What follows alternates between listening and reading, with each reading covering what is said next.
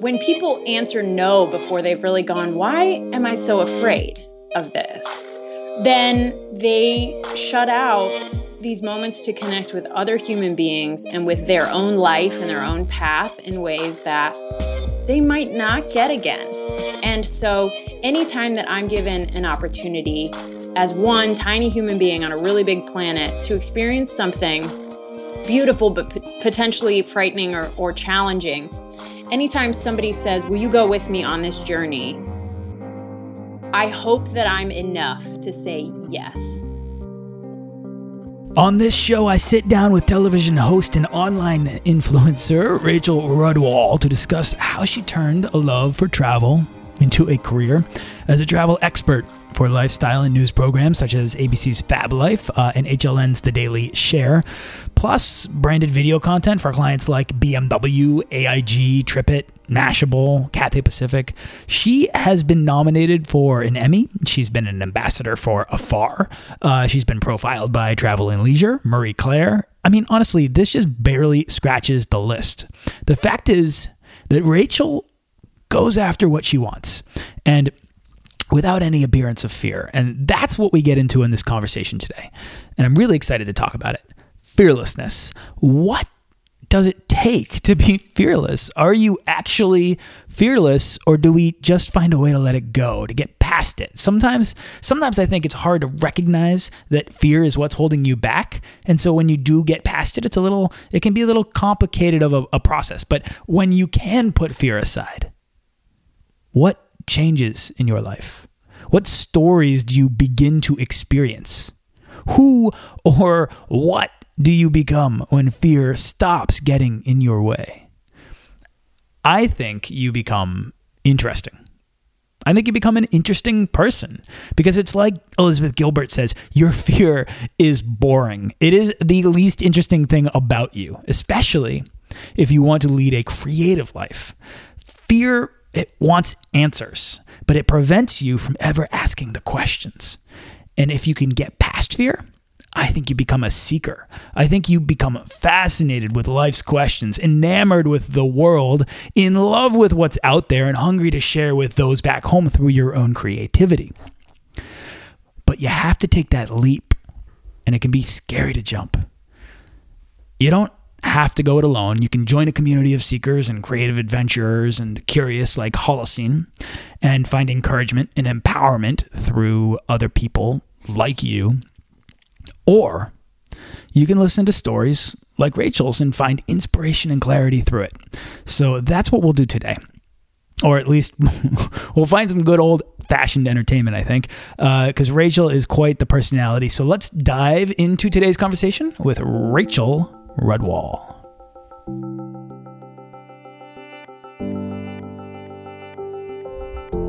All right, I'm thrilled today to just to sit down with a good friend and uh, travel buddy who I've had the opportunity to hang out with a couple times on the road.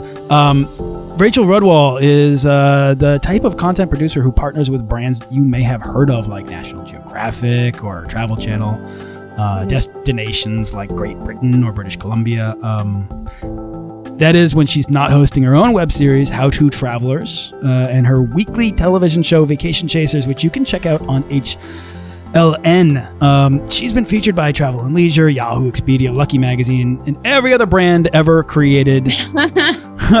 you can fi- you're getting there. You can find her online at rachelroams.com um, or on the social networks at uh, Rachel Roams. Um, Rachel, what is what is Rachel Roams? Is that a pseudonym? Is that a superhero name? um, you know, yeah. Okay, superhero. I like that. I'm going to go with it. It's what's funny is um, where I am right now. I'm actually wearing a cape. You wouldn't know that about me. Um, but in my apartment, I always wear a cape. Rachel Roams is just a way for me to get to share the world with people. Good. I'm um I like the world a lot. So it seemed an easy way for people to remember my name instead of Rachel Rudwall. Rachel Roams is is a little bit easier. And so people can go look that up and they can find the world. That's my hope. Ooh, I love it. They can find the world. All right. So that that's really cool. You know, you said something once that really stuck with me, and that was that you believe the whole world is inside of you. Maybe we can get into that, but you just reminded me of that. The sense that, you know, mm-hmm. we can mm-hmm. find a person and we can begin to look deeper into mm-hmm. ourselves. But I want to I want to just like jump back. I remember the moment we met. Do you remember? Yeah. I said uh, we were in Anguilla and we were uh, uh, it was like six or seven o'clock and the sunset was out and I was looking out and you were like twenty feet behind me and I turned. I knew that you were on this trip with me and I said it's gorgeous here and you said uh, yeah it has absurdly beautiful sunsets if you go for that kind of thing. yeah, like I'm I'm not mad if you're into this. but it was it's really cool to be able to meet people in these uh in these new environments and in these settings in which in which uh I don't know, they're really unforgettable moments, I think. Um here's here's the thing though, and this is the thing that I want to lead this whole conversation with because I want to set it up for you and for the listeners.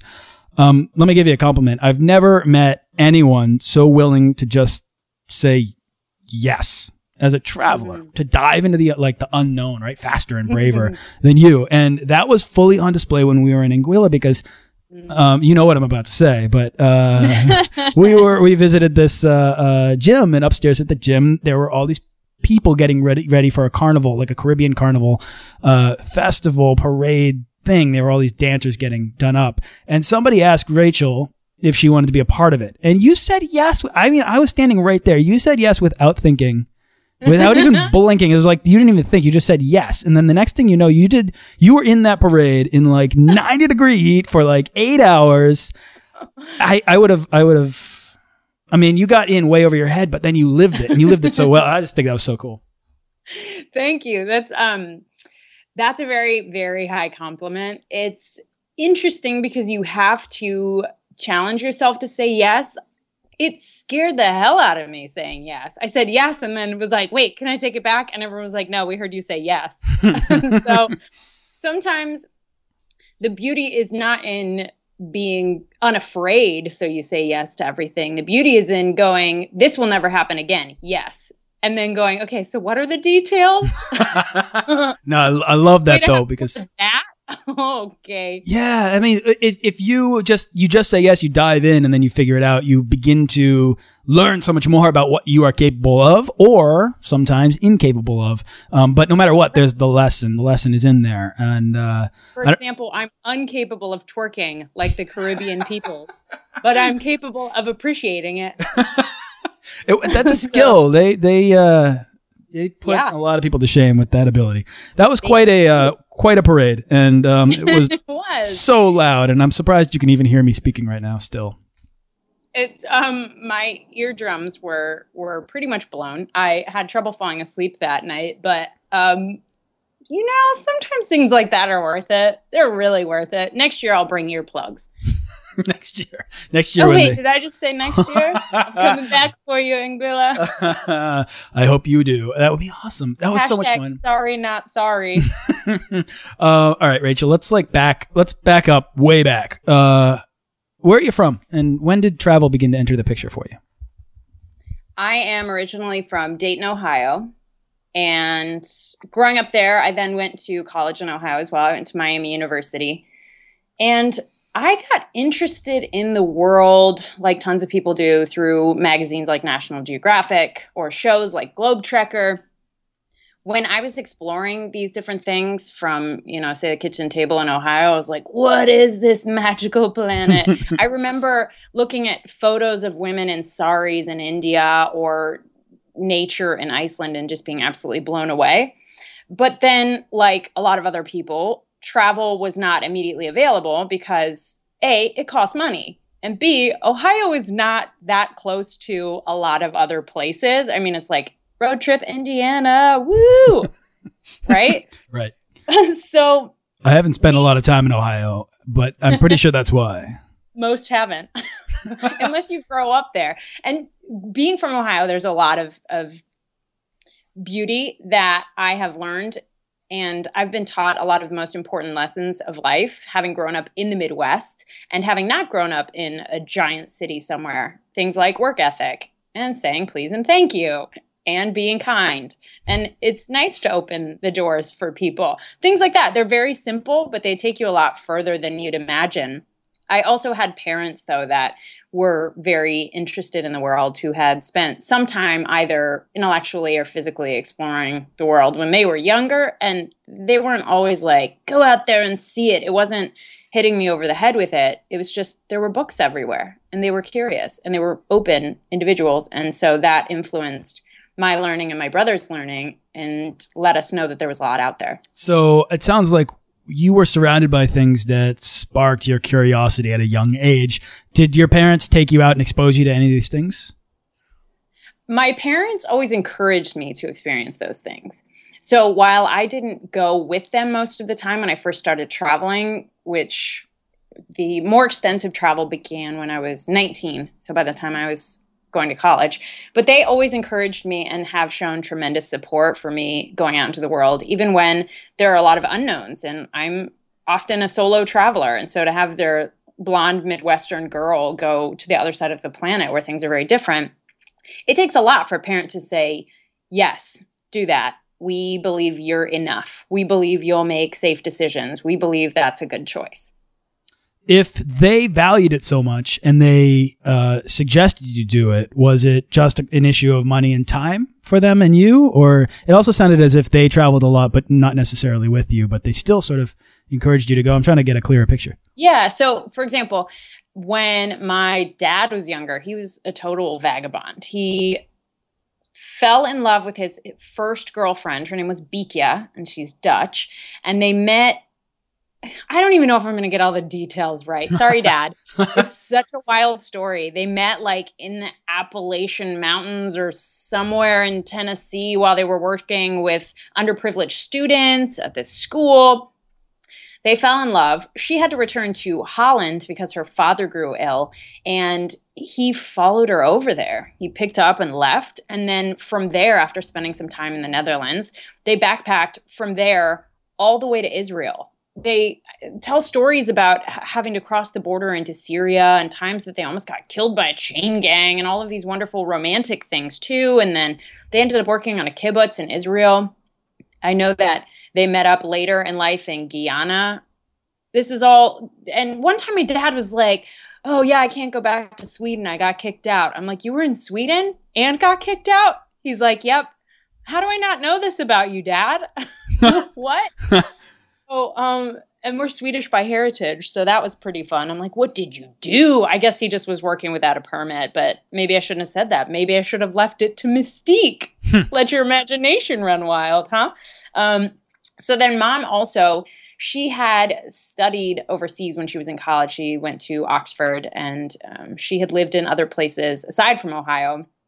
But money is something that you need and sometimes you need more of it than you have to travel. So that wasn't something that was available to all of us together because we grew up in a scenario in which finances could be pretty tough. So then what was your first uh, travel experience then at age 19 your first maybe big independent one? My first big trip, my first independent one was with my friends Abby and Katie. We went to Europe for six weeks, which I think is a pretty um, common first foray in travel. It's a place that is well traveled, it's got familiar cultures, even if unfamiliar languages or foods, things like that. And so we traveled for six weeks over there and meanwhile, I was studying international relations and foreign languages in college. So I was looking for essentially any opportunity that I could to explore. I also knew that I was going to be paying for my college and that I was working really hard to get scholarships. And I was like, I'm going to make every dime count. I'm going everywhere that I can. So college for me was a, a launching point into opportunities that I couldn't have done by themselves. Fascinating. All right. So that's really interesting, Rachel, that, you know, you had this eye on travel for a very long time. You had this sort of long term desire to expose yourself to difference. It sounds like maybe because yeah. uh, your father told you, regaled you with these these stories of uh, that sounded almost mythic. That you know maybe the the details now are not quite. You don't even have all of them because maybe it's better not to have all of them. Maybe the sort of mm-hmm. uh, allure of the legend is is more appealing, and it's it's kind of cool. It's interesting though that it it took you until you were 19 really to get started and actually make that a reality? Was there outside of outside of uh, uh, uh, money? I mean, was it was it just was there any resistance? I guess to to leaving or. I think for the entirety of probably my high school years, maybe also junior high, I was doing a lot of internal searching where I was trying to figure out what it was all for. Basically, I was like, what, you know, what's it all worth? And and I was doing a lot of reading and a lot of writing and a lot of creating and kind of diving into the arts but independently of anyone else. It was just more of an outlet for me where I hadn't put all the pieces together and found some great worth to it. And it's not that I didn't think there was a lot of good in, in being around on our planet. It just didn't necessarily make a lot of sense in certain regards. So I spent a lot of time learning as much as I could or creating as much as I could and having these creative outlets when I was younger. And I think the beauty of travel for me has been that I can get outside of myself and see the ways in which we're all the same and we're all searching for those same things. That's magic. And travel came later for me, yes, because of finances, but also I think it was the right time in terms of when I would have been ready to receive more information and express more gratitude and connect with people and and you know hopefully be brave enough just to start a conversation with somebody that was different because I really wanted to learn. When did you first see that in the world that idea that everyone's out seeking the same thing? I think the first elements of finding that were probably in the National Geographics, you know, where you learn people's stories and the details are incredibly different. They live in different homes or believe different gods exist or, you know, dress completely differently. But the moral of the story is always the same that people are trying to survive. And beyond survival, they're trying to connect, that we all want to connect with one another there's a great beauty to community or to relationships, to starting a family. Everyone lives and dies. It's, you know, kind of it's all right there. We just get caught up in all the details. The details can be beautiful, but they also make people fearful. And so I think in in reading magazines or watching shows that say PBS had, I started to see that hey, look, those people laugh just like us. and I really want to try that dance. It's super different than my moves, but I like it. So, how did those ideas begin to influence your creativity then? As somebody who is going through middle school, high school, writing, making, learning, absorbing, and then finally get out into the world and you're amidst this thing that is feeding you with new ideas, feeding you with new inspiration. Um, what sort of relationship began to develop between your curiosity and your creativity? I think there's this interesting thing that happened where it became less selfish. It's not that I don't love what I do, I do. And it's not an unselfish career path to travel, but I think it became less selfish in the sense that I was no longer going inward. I wasn't just creating for myself. I was going to open myself up to everything else that was out there and let it influence my understanding of the world. And I was like, hey, world, here's what I think I know. Prove me wrong. and you have to rebuild your understanding of the world every time you leave the front door when you're traveling. And there was a point at which it was no longer as much about me as it was making it a path where I could share it with other people. Why did that happen? Like what what what caused that point to occur? I when I was in college, I would attribute it to an internship, is the simple answer. When I was in college, I thought I would work in diplomacy or for an NGO. And so that's why I was studying all those foreign languages and political geography and all these things. I thought I would like to explore the world and do some good along the way. That was the basic understanding of my life path. And I, when I was studying abroad, I studied abroad a couple times. Again, used my scholarships to the max. nice. um, I heard about this internship with a travel company called STA Travel, which was at the time the largest um, student and youth travel provider in the world. And they opened up what they called their Ultimate World Traveler Internship. I remember that. Were you were I, you one of those? Yeah, it was the first one. Really? I didn't know that at all. Yeah, yeah. it was really amazing. So here I was. Um, I had already had a job lined up with a company I'd worked with in the past called American Management Association, and I was leading business leadership seminars at places like Columbia and UCLA. Like I wasn't looking for a job, but this internship popped up on a website that I shouldn't have even been on. It was like Craigslist for Denver, Colorado. Meanwhile, I was in Scotland. I'd never been to Colorado. God knows why I was on it, but I remember that being where I found it. And I'm like, this is me this this job was made for me. There's no way anyone else could have it. And I mean, hey, ego. Everyone who read that probably thought that. So I went and, and made my video, and I had never shot video.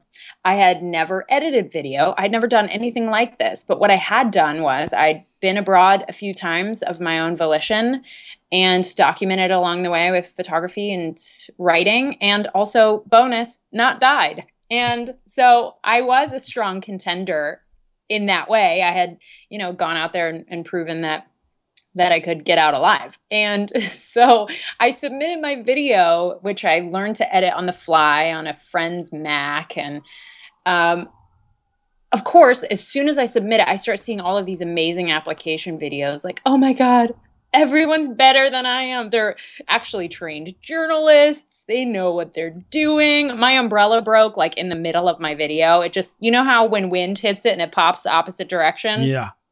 I was like, God, I'm not ladylike. And I kept that in there because I thought it was funny. Right. So, so anyway, um, long story short, I, I, I got word that I'd made it to the finals and then, um, and then I I was the one that they selected in the end. And I, I think in large part due to the fact that they felt they could trust me as a traveler and that I could do run and gun style video production and, and figure it out. And there's a power to being highly mobile in that style of, of content versus like setting up a shot and taking two hours to get it right, um, which you would learn potentially in journalism school. Anyway, the uh, the magic of it is I wasn't necessarily trained for that set of storytelling skills, but I was trained for being the best storyteller at that time that they could find for a journey around the world. They sent me for three months to 16 countries. And my whole goal was to inspire others to travel. That's not that hard to do. You show somebody a picture of a palm tree, they're like, I would like to travel. so that was my responsibility and it was um, beautiful yeah. and exhausting and at times quite lonely and other times really amazing how connected i felt to the people around me and so by the time i got back to my final year of college i knew that my path was going to shift entirely that i wanted to be a storyteller and i wanted to share the world's stories with others that would be my path even if i had no idea what that meant yeah that's was going to be my next question. So there's sort of an overarching thing here, uh, theme to all of what you're talking about, and that's fearlessness. I mean, there's like to see to hear this call to adventure, to want to go out and to travel, to find the the listing serendipitously, and then to just kind of go all out and to send in a uh, a, a submission that sounds like had some mm-hmm. had some mistakes, had some errors, but had a lot of personality. Put yourself uh-huh. out there, and then and then to actually go on this trip and learn from it. To say this this job's made for me, right? Like this is my thing, and then this could be my career. But it sounds like on this trip, at some point, there might have been an inflection point in which uh, like you were saying, it wasn't about you or your inward journey or where you were heading, but suddenly travel was had a much deeper meaning to you. Where where did that happen, and and can you pinpoint it? I think, I mean, there were there were all kinds of moments where I think that the the value of travel and how much weight and also maybe weightlessness it provides you with. I think there were tons of moments where that was present in my journey. I got to go scuba diving for the first time at the Great Barrier Reef. Living under the surface of the ocean is insane, dude. it's so cool. Like, you're not supposed to live there. That's what's really incredible about it. I went skydiving over Australia. I went trekking up in the hills of Thailand, and we stayed with these hill tribes. And I worked with and fed by hand giant pandas in rural China. All this stuff is is like what what right. Hey, lady, are you making this up? Because good story. I would not have had access to those things. So I think that what accompanies those moments of wonder is this tremendous sense of gratitude and also responsibility. And that was probably the first time that I realized it had to be about an audience and not me. It wasn't about me because I wasn't hired to talk just about myself. I was hired to talk about the places. And so maybe that's the moment in which what had been an inward journey and, and trying to learn about the world and make sense of it all, that's the moment where it became so much greater, which is what I'd always wanted. It's so much bigger than I am. Love that. I mean, what you're kind of saying is that you had a client that you had that you're responsible to deliver to. And in doing that, you made that just about servitude rather than self exploration. And of course, the self exploration happens anyway, but it's, it's almost like in this process, you reconciled, I think, what a lot of people struggle with, which is if I have a client or if I have a job to do, I'm not doing the, the creative thing that I want to do. And I think creative people struggle with that, uh, mm-hmm. that client relationship, right? But I like the way you just kind of spun that subtly in the sense that if you could deliver on something, then you could develop this. The value of responsibility in there is, uh, uh, something I think that needs to be uh, pointed at. I guess. Yeah, you know what's really cool? The longer I spend doing this, the more I learn that it's never about me. That takes a lot of pressure off. Oh my God, if you're like, oh, my hair's out of place in that shot, swap it out, and you swap it out for something boring are you kidding me right now? Leave it. Just leave the clip. Your hair looks stupid, but your delivery's great, so your audience will have fun. Get over it. It's not about you. It's not about how you feel when you're watching the edit, unless you're watching it from the perspective of your audience. Mm. And so there's a real beauty to going, it's a lot bigger than I am. This is the story. That is the audience. How do I connect them?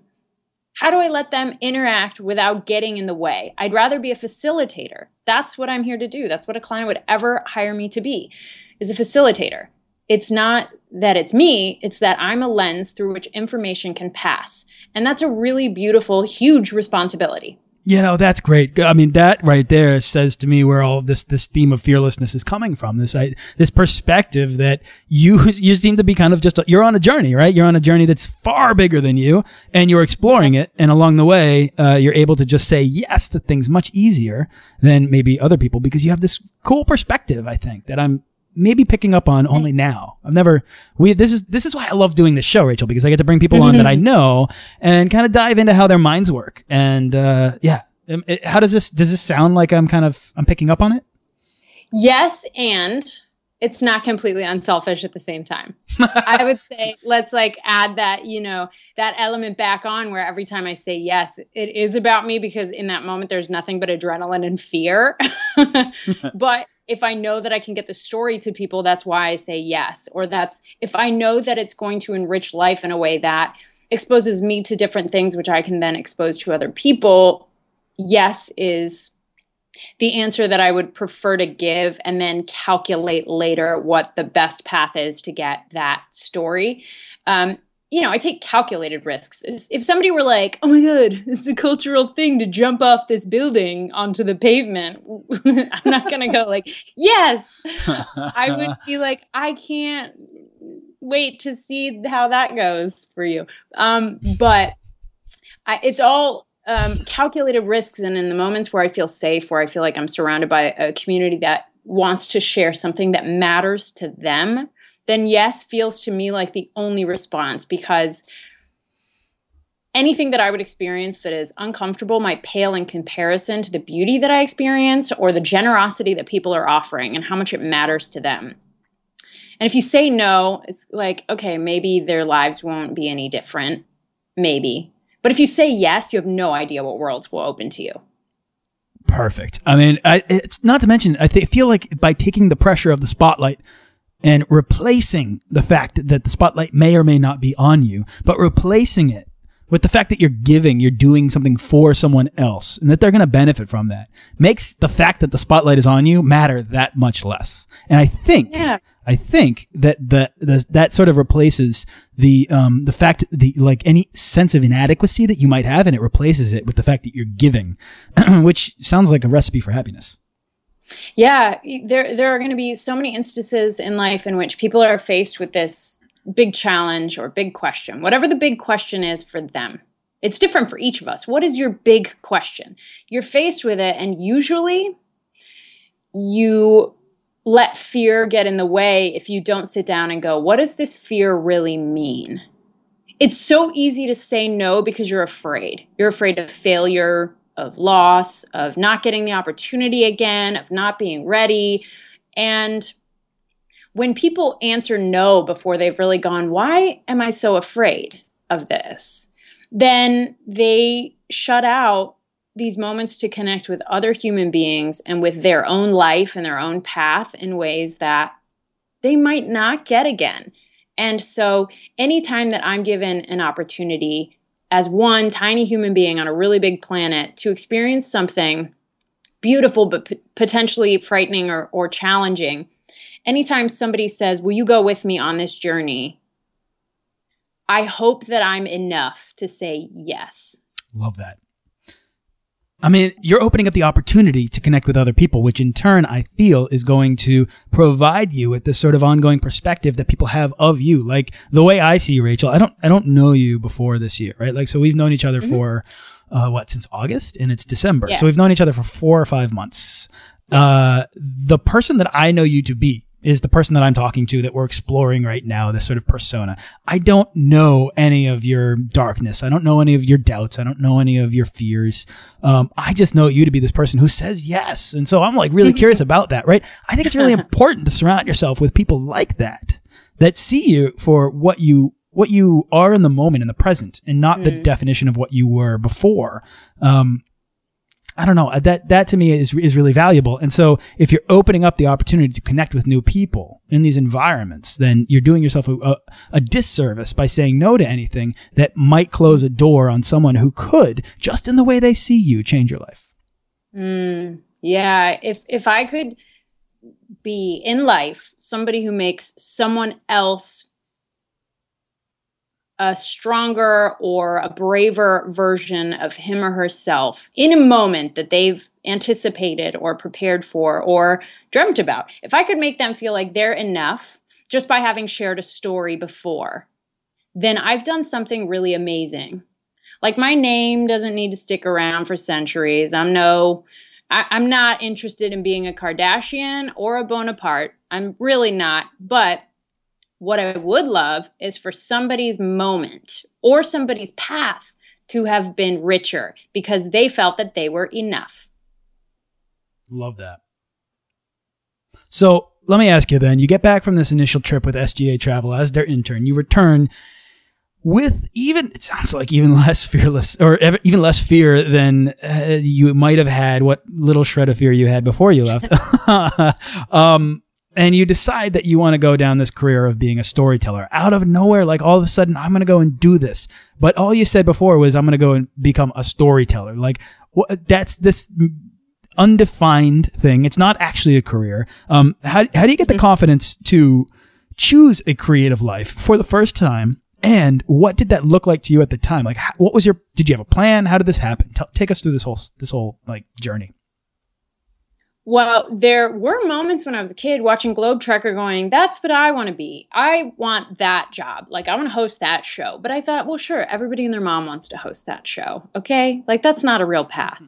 All right, kid. So I didn't pursue that until I had this opportunity that seemed all of a sudden to hit me in the face with the truth of this could be your path if you fight for it, if you really work.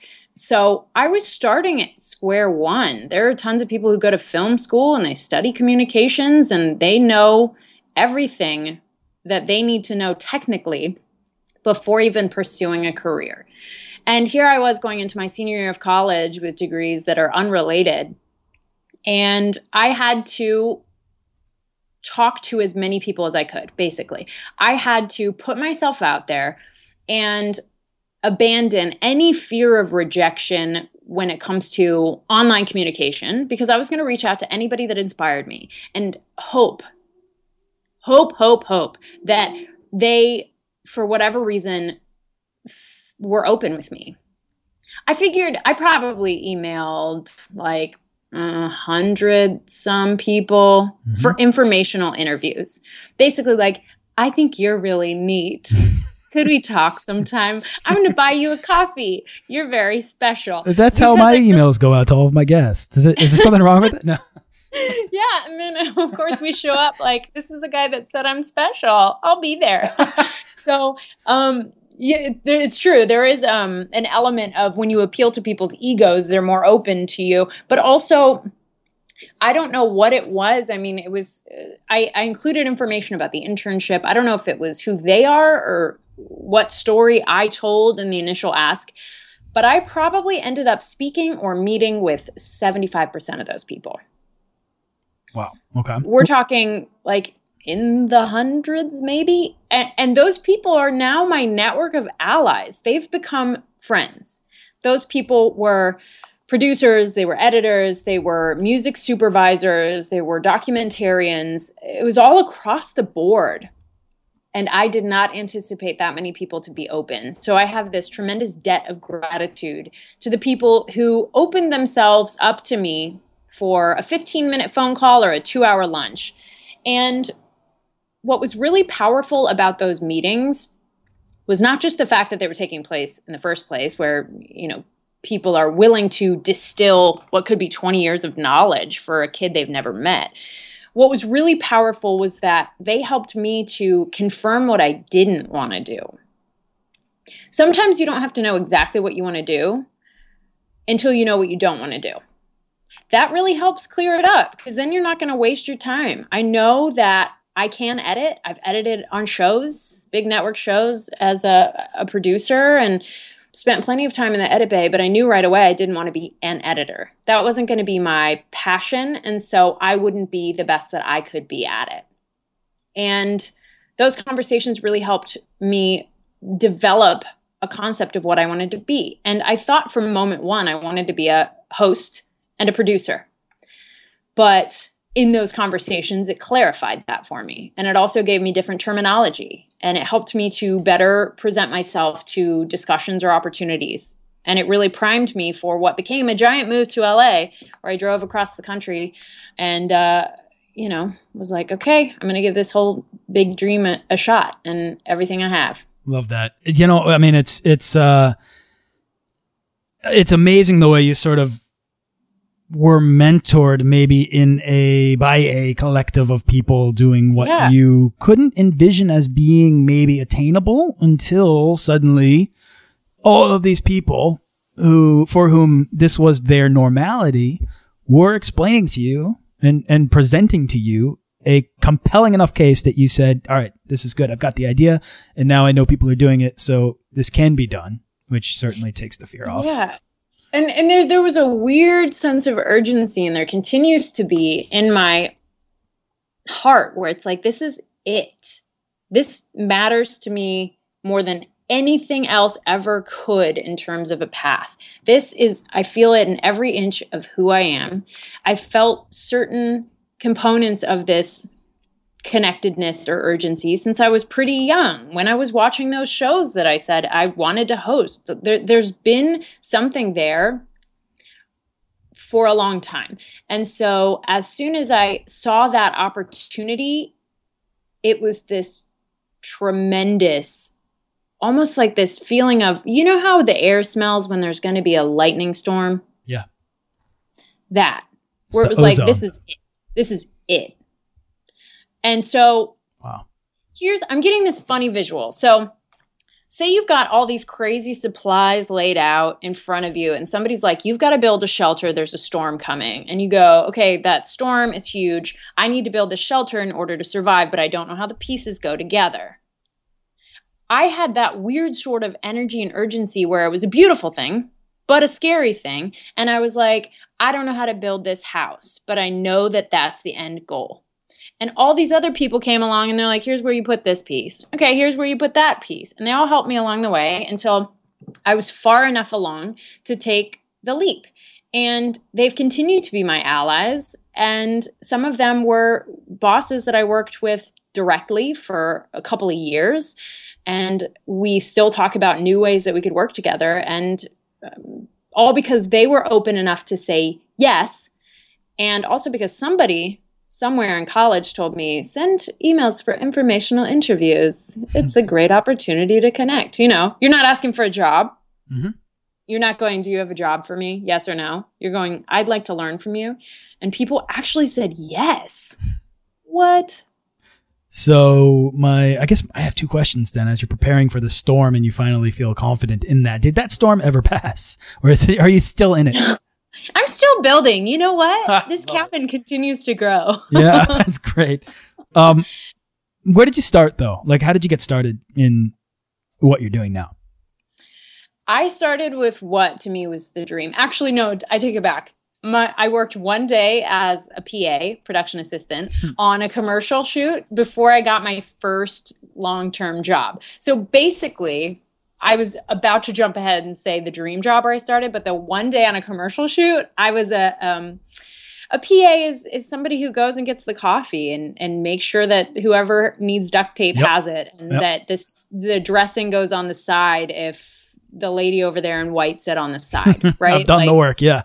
So I was lucky enough to get one of those yeses that I talked about, one of the yes, I'll communicate with you, whoever you are, strange girl, emails from somebody named Jeff Conroy. I had been admiring shows like Deadliest Catch for a couple of years. And I want to say like mm, six months or a year before deciding to make the move to LA, but immediately after having done my internship, I was on a plane going somewhere and there was a men's journal in the seat back pocket that somebody had left there. And I read this story about a guy named Thom Beers. Thom Beers was somebody who had worked for Ted Turner at CNN. He had formed his own production company called Original Productions and was producing some of the most prolific nonfiction storytelling that TV had ever seen. He was changing the game, essentially, he and his team were. And I was like, I want to work for that man.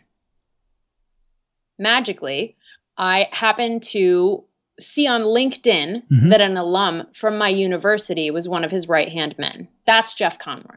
Jeff Conroy is somebody that I emailed on LinkedIn, and somehow he got back to me. And after a couple months corresponding of him being like, I'm in Dutch Harbor, Alaska, uh, you know, on the fishing boats, I'll talk to you when I get back, kind of a thing, we finally caught up and I thought it was going to be one of the more typical conversations, which might last 30 minutes. And he asks me what I think I want to do, and he provides nuggets of wisdom.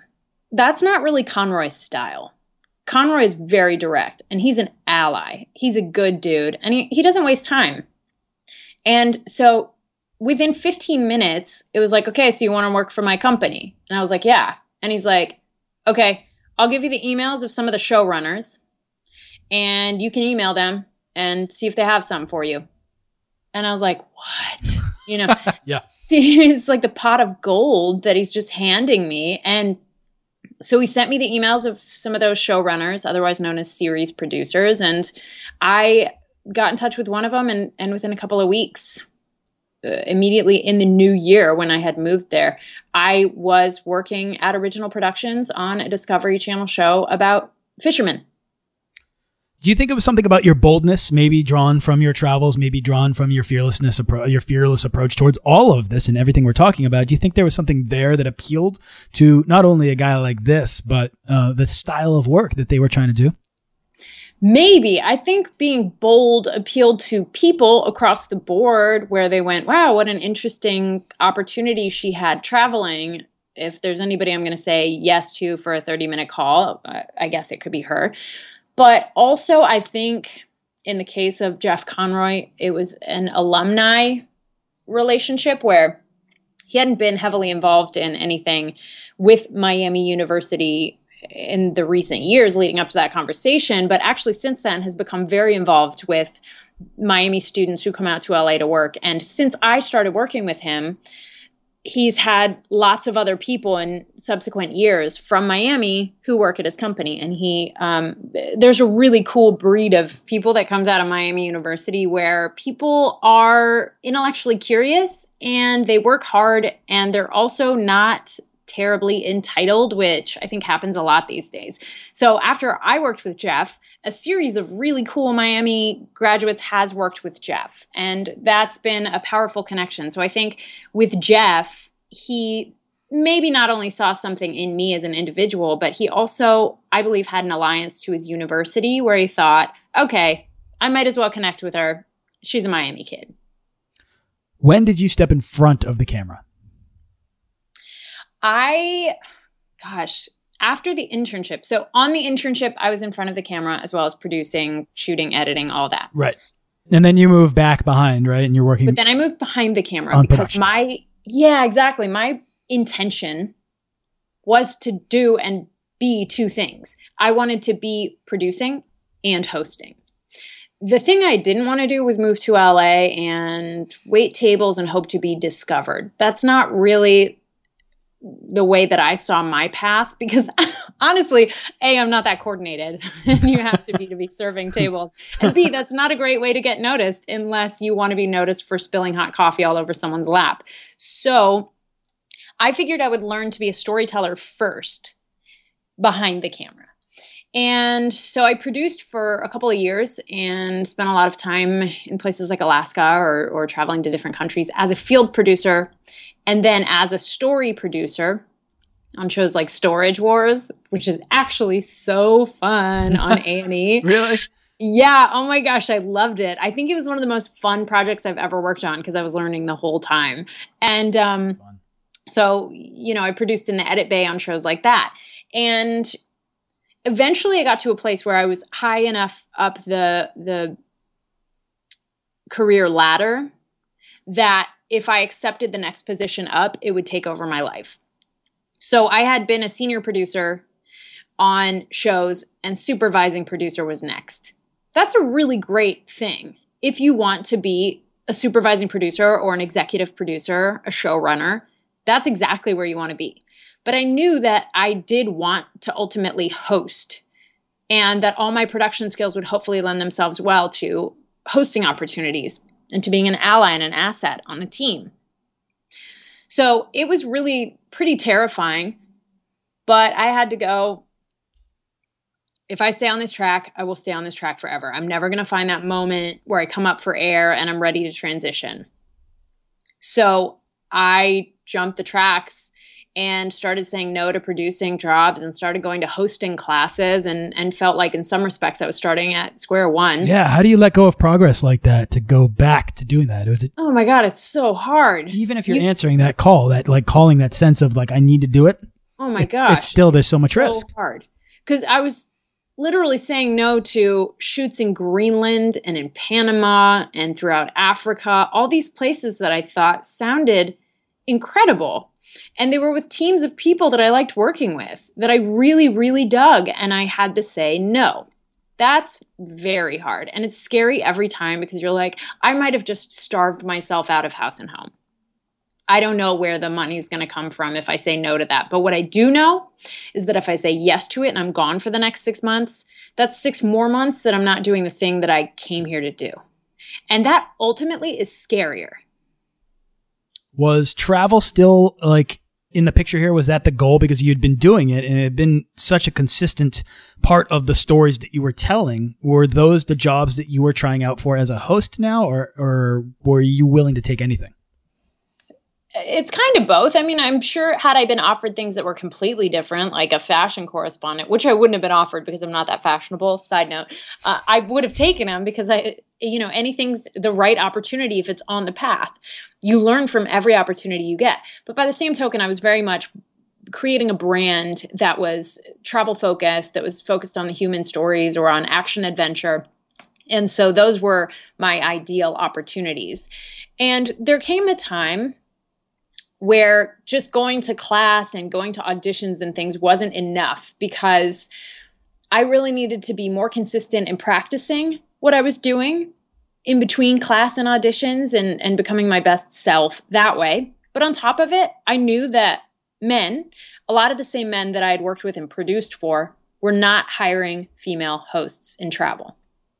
Hmm. They just weren't doing it. It was like women are not allowed to be experts. Women can only be experts if it's a show about baking or a show about interior design. That's all you get.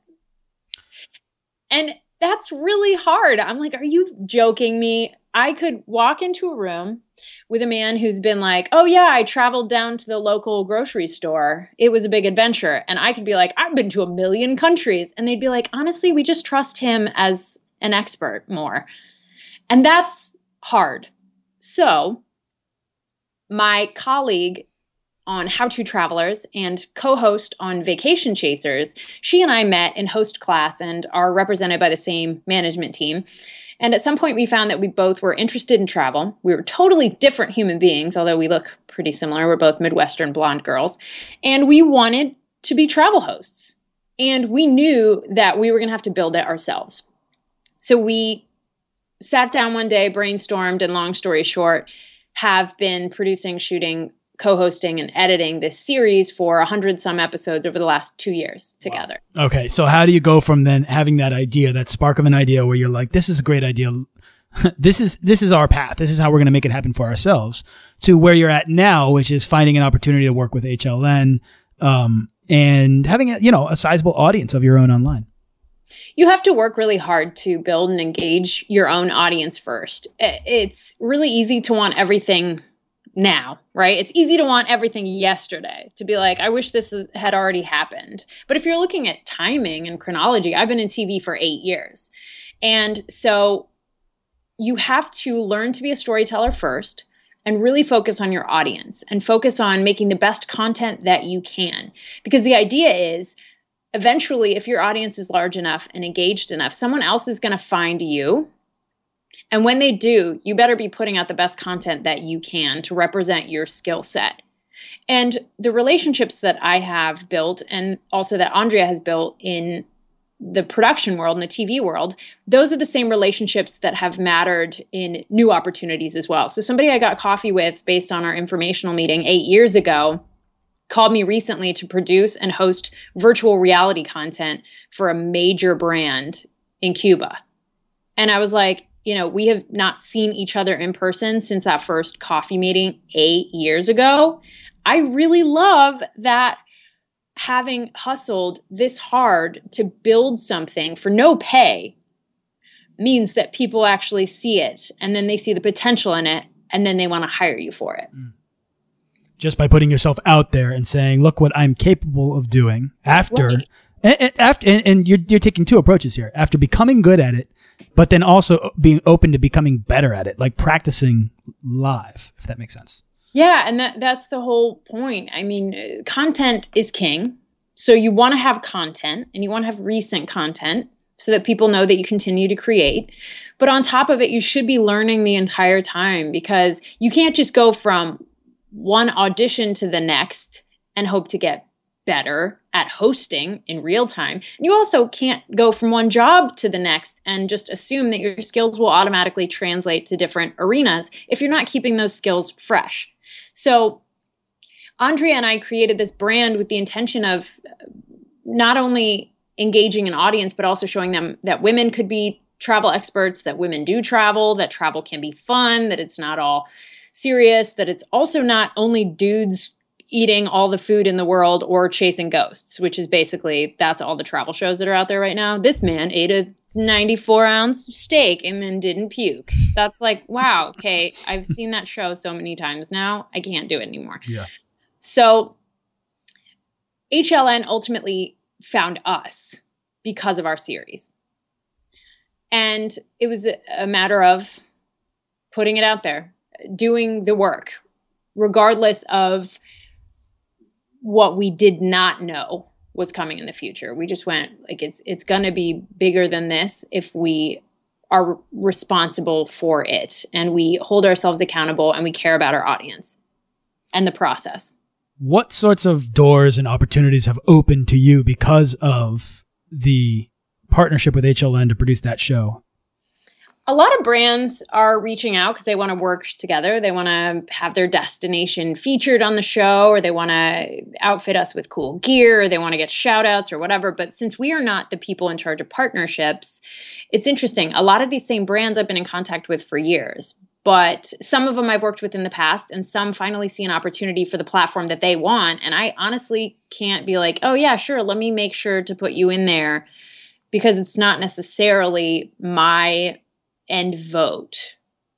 It, it's going to come down to like what the edit bay wants to see, right? Mm-hmm. Yep.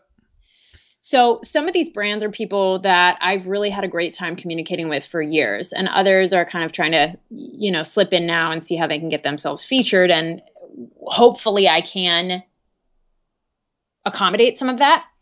But if that doesn't happen, I know the conversations already exist where we could collaborate on branded content in the future for them because I do as well a lot of social media campaigns, a lot of social influencer based trips where a client will bring me with them on a trip or to a destination and our contract is based on social media content and engagement plus deliverables like photography or a branded video. So whether or not I can feature them in vacation chasers you know, we'll cross our fingers, but hopefully we can work together on other projects as well. Hmm. So you have your own kind of creative, almost uh, content producer side of you that's a freelancer almost that yes. enables you to work with other people. And the simple fact that you created How to Travelers and then partner with HLN to create vac- Vacation Chasers has just made you more desirable as a brand or as a producer or as a a channel even uh, to a lot of these different brands and destinations. Yeah, because I I do do it all because I've had to and I've enjoyed doing that and learning to be the best storyteller that I can be in a variety of different ways because different clients want different things. Sometimes somebody might want me to host, but other times they might just want social media content where I'm sharing the actual location. And that's all beautiful if I can deliver what they're looking for. And this year alone, I've been in 18 countries and I think I counted eight or nine US states, none of which were with vacation chasers. They were all different clients. Where do you see yourself going with all of this, what you're doing right now with your shows, with your your freelance stuff? I want to keep telling stories that inspire people. I want people to be really excited about our world. Whether they want to know the human story or they want to know what it's like abseiling, I want to share that with them. and so I don't know exactly what that looks like. That used to be pretty scary. Now I've gotten used to the uncertainty of it all. But I know that next year is going to have more big branded opportunities. I've been in communication with a number of different brands and networks. And it's also going to hold a bunch of mystery. I have no clue what exactly my year will look like. Usually I don't know what's going to happen 2 weeks from now, let alone the future, the big, you know, in all caps, the future. The future. But what I would like is to keep doing what I'm doing and, and continually, hopefully, getting better at being the storyteller that people want to accompany to different locations so that they can learn about how cool our world is. One of the things I love about the way that you go about your expression after traveling, during traveling, whatever, the way you reflect on it, whether this is on Instagram, Facebook, in your video, whatever, you know, just as a person, because this is how you relate to the world. But you, um, you have a, you have a good way of allowing travel to put you closer in touch with yourself to mm. say something that that is very helpful for other people. It's very inspiring yeah. or it's very kind of thoughtful, and you have a, you have a great way of of connecting the sort of valuable transformation or emotional value that's that's occurring within you and transferring that, transferring the energy of that to anybody that is paying attention. Thank you. You know, it's um totally unrelatable to always be posting photos of champagne in front of a sexy sunset. Everyone's going to hate you. If you tell them the moments that really matter and the things that might be scary for you to say about those moments, people will respond because you're human to them. It's not about being perfect. It's not about showing off. It's about sharing. And it's about having an honest dialogue. And if you share those stories and those insights that almost feel like you, you, you ever had that dream where you like go to school but you forget to put your pants on? Yeah. Yeah, right. something like that. Yeah. okay. Huh. So every time that I share something online that feels like it's very vulnerable. It feels like that dream, like, oh my God, I can't believe I just pressed send. I can't believe I just shared that with everyone.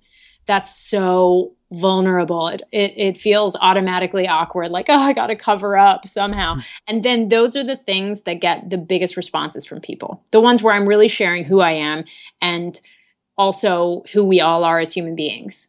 And I'm not trying to show off. I'm just saying, like, this is where we all are together. Mm. That's valuable, I think, to find somebody that can can inspire you in that way, but also that can sense it. If this makes sense, Rachel, it's almost as if um, you are someone who is sensitive or has become a sensitive to the sort of serendipity and magic that I mm-hmm. think exists and that you develop an awareness for.